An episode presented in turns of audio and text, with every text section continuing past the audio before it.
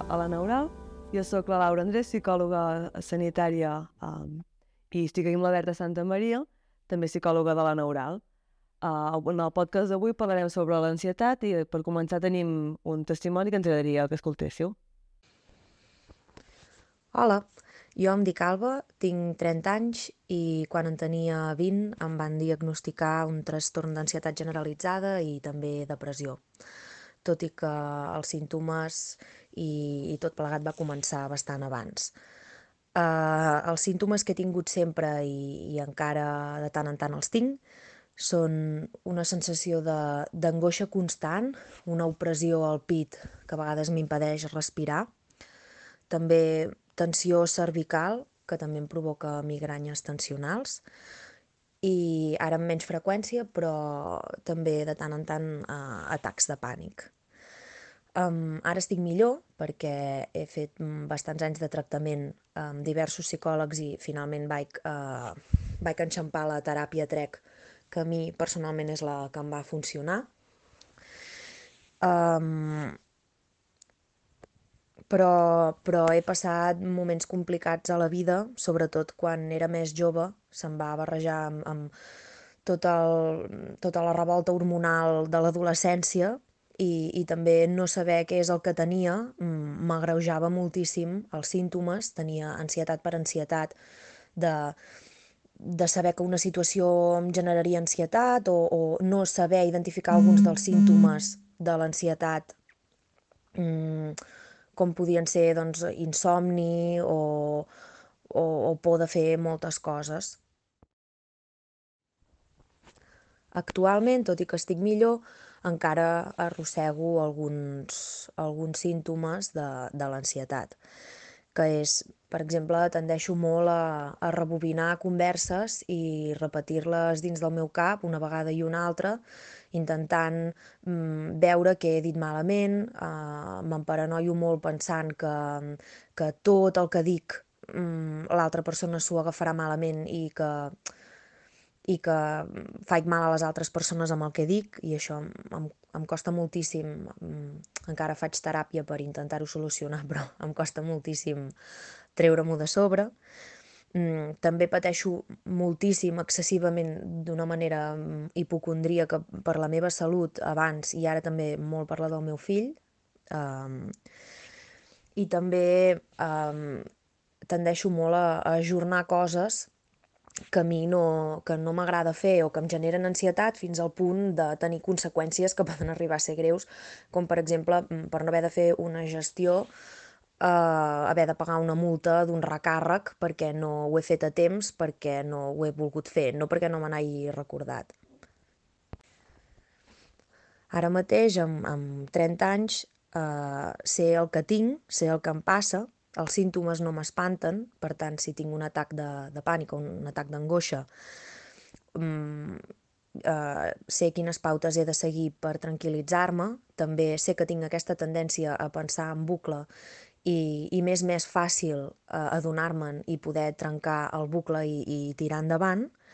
Mm, també és veritat que encara evito situacions, sobretot les que no em compensen, per exemple, parlar per telèfon sempre que puc o fer gestions i altres coses així, doncs ho delego a, a persones del meu entorn que saben que tinc aquesta mm, condició i, i m'ajuden i intento enfrontar-me a les que val la pena uh, tot i que no sempre me'n surto.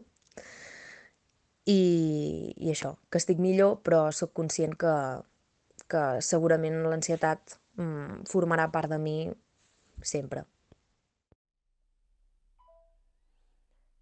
Bueno, primer de tot agrair a l'Alba aquest testimoni tan detallat i, i extens, no? que crec que ens anirà molt bé per anar comentant totes les diferents uh, parts d'aquest podcast. Um, la primera pregunta que et volia fer, Berta, com a psicòloga que, que portes casos amb ansietat i, i ansietats greus, és si ens podries explicar um, què, què és l'ansietat. Va, doncs, bé, per mi oh, l'ansietat és uh, una reacció emocional o un mecanisme de defensa que ens permet doncs, adaptar-nos a les situacions i afrontar-nos a, a les situacions doncs, del dia a dia o que, es poden, que poden ser habituals. Llavors, el fet de ser una reacció emocional doncs és això, el que ens el que ens ajuda. Uh, L'ansietat um, es torna o sigui, un problema en el moment en què interfereix en la vida de la persona o que, que no li permet el seu funcionament normal. Mm -hmm. uh, tot i això, l'ansietat, si no es torna una interferència en la nostra vida, és una reacció que no es pot evitar, o sigui, és una emoció que no, no podem evitar, perquè forma part de, de, de les emocions, llavors uh, mai desapareixerà de la nostra vida perquè no podem fer que desaparegui, i per tant, doncs, si aquesta ansietat la sabem gestionar, doncs és bona per nosaltres, però és el moment en què interfereix en què es torna que deixa de ser bona o, o que ens genera problemes a nosaltres. Mm -hmm. Uh, llavors, per mi l'ansietat és això. Una mica això que deia la, la, el testimoni, no? Que um, ella ha dit, jo, jo assumeixo que l'ansietat la tindré sempre, però, però que no em condicioni, no? És això que estaves dient. Exacte, sí, sí. I, i quins símptomes són els més habituals? Com, com puc identificar jo si, si això que m'està passant és ansietat o no? Bé, de símptomes, doncs, hi ha un ampli ventall de símptomes, però, per exemple, símptomes així habituals, doncs pot ser, per exemple, tenir suor a les mans, Mm -hmm. um, uh, també pot ser el fet de que no sigui físic, mm, sinó que també sigui cognitiu i que doncs, hi hagi molta rumiació, com la testimoni l'Alba també ho explicava, de pensar molt. Um, també podem trobar doncs, uh, que se'ns acceleri el, el cor, bueno, que notem que, que estem més accelerats, uh, tremolors, insomni o um, tenir més son del, del habitual, és a dir, hipersòmnio, um, baix desig sexual, que en aquest cas també interfereix i crec que és important Mm -hmm. recalcar-ho. I bé, de símptomes n'hi poden haver tots, o sigui, ja siguin fisiològics, o sigui, físics, o, o conductuals. Llavors, evitar, per exemple, situacions, també crec que és important recalcar-ho, mm, mossegar-se les ungles, tocar-se els cabells, mm, un gran ventall de símptomes, però Mhm. crec que aquests són importants i que a vegades potser no els hi prestem la- l'atenció que, que tenen. Um, uh, aquest tema que està com tan de moda ara, no? El, el somatitzar també aniria per aquí, no? Sí, El... el fet de somatitzar és com portar, uh, o sigui, que exterioritzar una cosa com que va per dins, Mm -hmm. és així, ens he explicat com una mica per tothom, doncs que, que puguem com treure el que, el que ens està passant a dins del nostre cor o dins del nostre cap o llavors com extreure i, i que sigui visible. Per exemple, que si tenim mal de panxa, um, a vegades, doncs, si no hi ha un, un problema o una malaltia, uh, doncs, a vegades el mal de panxa està relacionat també amb l'ansietat i això, doncs, per exemple, podria ser somatitzar el fet de tenir més mals de panxa Mm -hmm. i sense saber d'on ve. Podria ser ansietat i estar somatitzant. I, I l'altra pregunta que, que ens arriba molt a, a consulta no és um, com, com diferenciar l'ansietat de l'estrès, de la por, uh, quina diferència hi ha i llavors més enllà de la diferència teòrica, no? I, i jo com sé què, què m'està passant. Bé, és, uh, aquesta diferenciació és, pot ser com una mica complexa perquè es poden assemblar, inclús Mhm. poden anar donats de la mà en, en molts casos, però crec que cal recalcar que l'ansietat uh, és subjectiva, o sigui, que també depèn molt de, de cada persona, o sigui, com vivim les situacions, uh, quins recursos disponem, uh, disposem nosaltres per fer front a cada situació Mm. i que aquest fet doncs, uh, està lligat a l'ansietat. de- Per, per exemple, mi una situació em pot generar ansietat i a tu no. I moltes vegades l'ansietat també és anticipatòria. O sigui que no cal que hi hagi un desencadenant real, sinó que ens anticipem que alguna cosa ens generarà ansietat, com també ha dit la, la testimoni, que, i aquest fet ja ens genera ansietat. Llavors, mm, és com subjectiu i a la vegada um, és, també és anticipatòria Uh -huh. de com ens encarem cap al futur. Llavors, en aquest cas, per exemple, l'estrès um, és la resposta fisiològica del cos. Vale. En aquest cas, l'estrès no és una emoció. Uh, L'ansietat sí.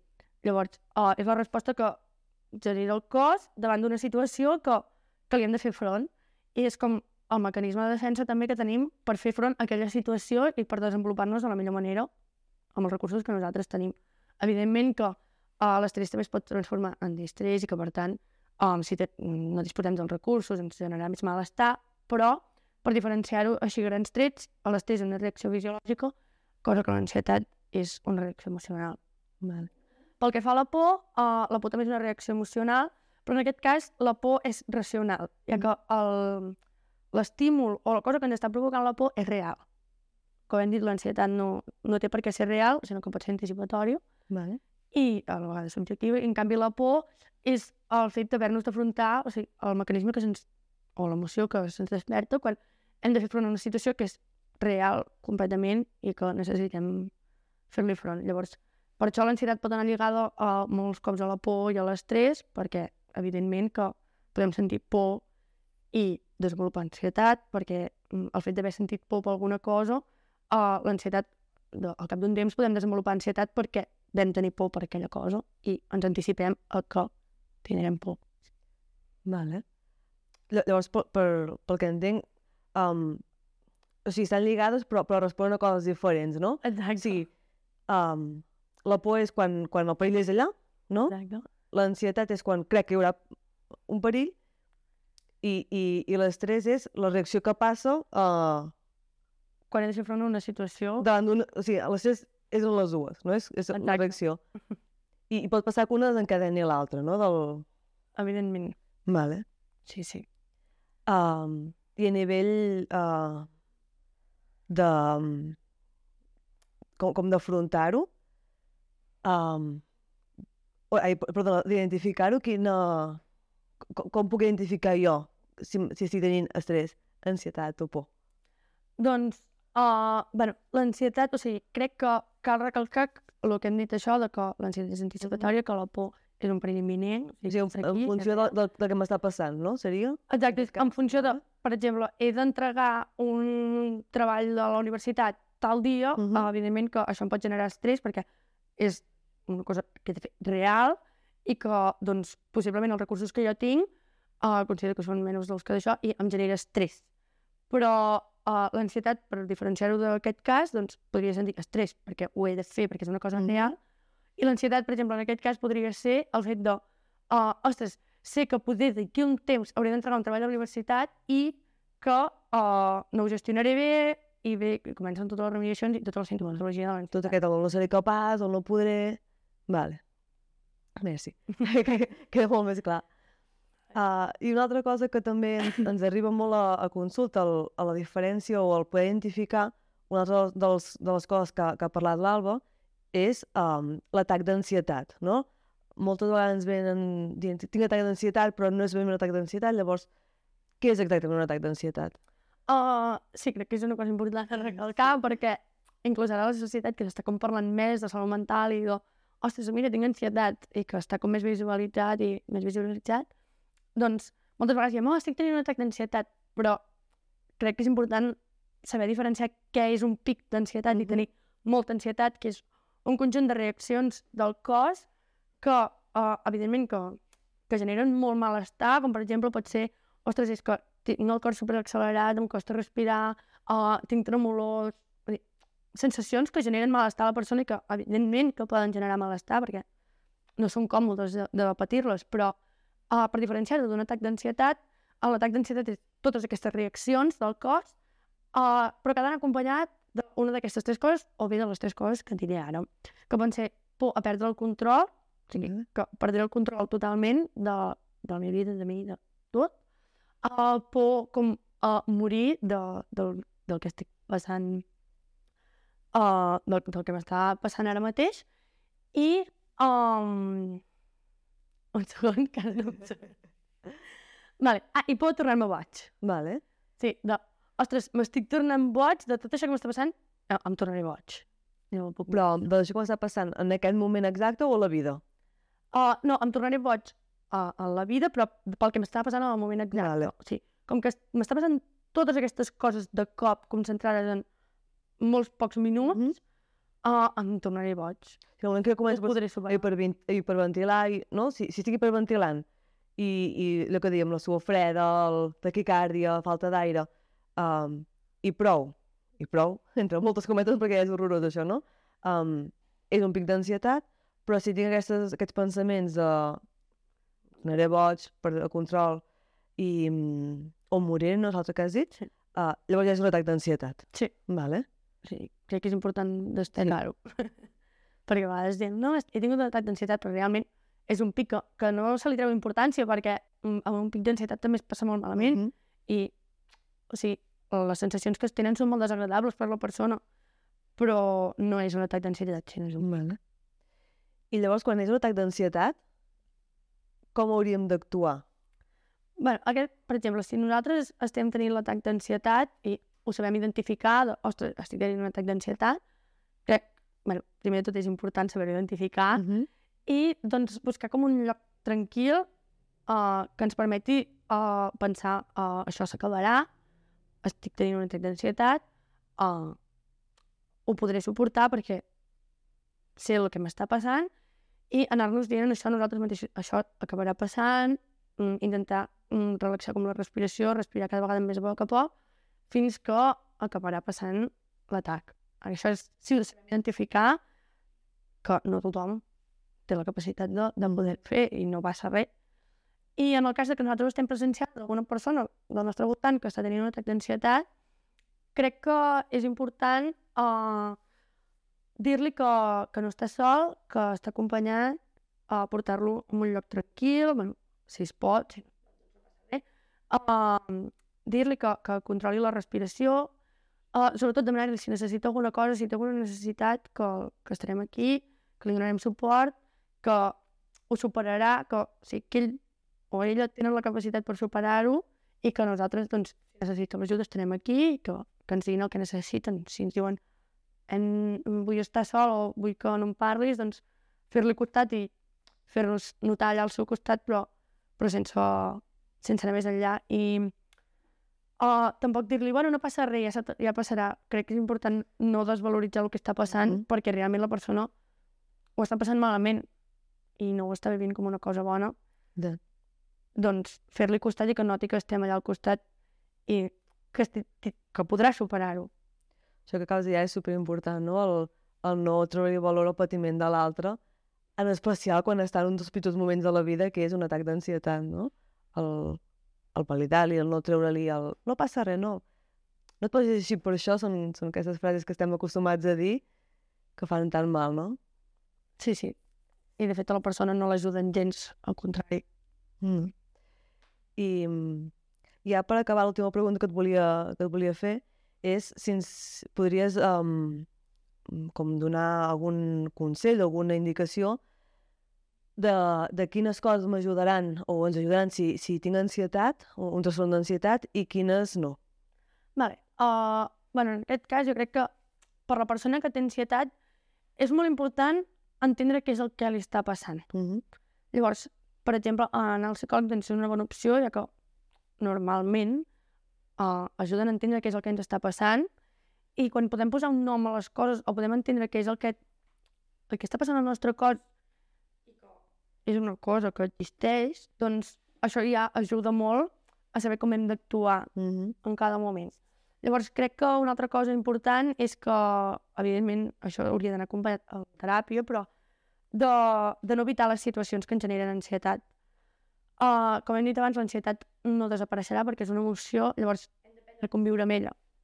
I crec que la millor manera de conviure és acceptar- acceptant-la i entenent que, que passaran i que pot ser que ens vingui, però tenint les eines per gestionar-ho. Llavors, que mai s'hauria d'intentar, o mai, o quasi mai, hauríem de- d'evitar les situacions o el fet de que ens pugui generar ansietat qualsevol cosa, perquè això no ens ajuda, al contrari.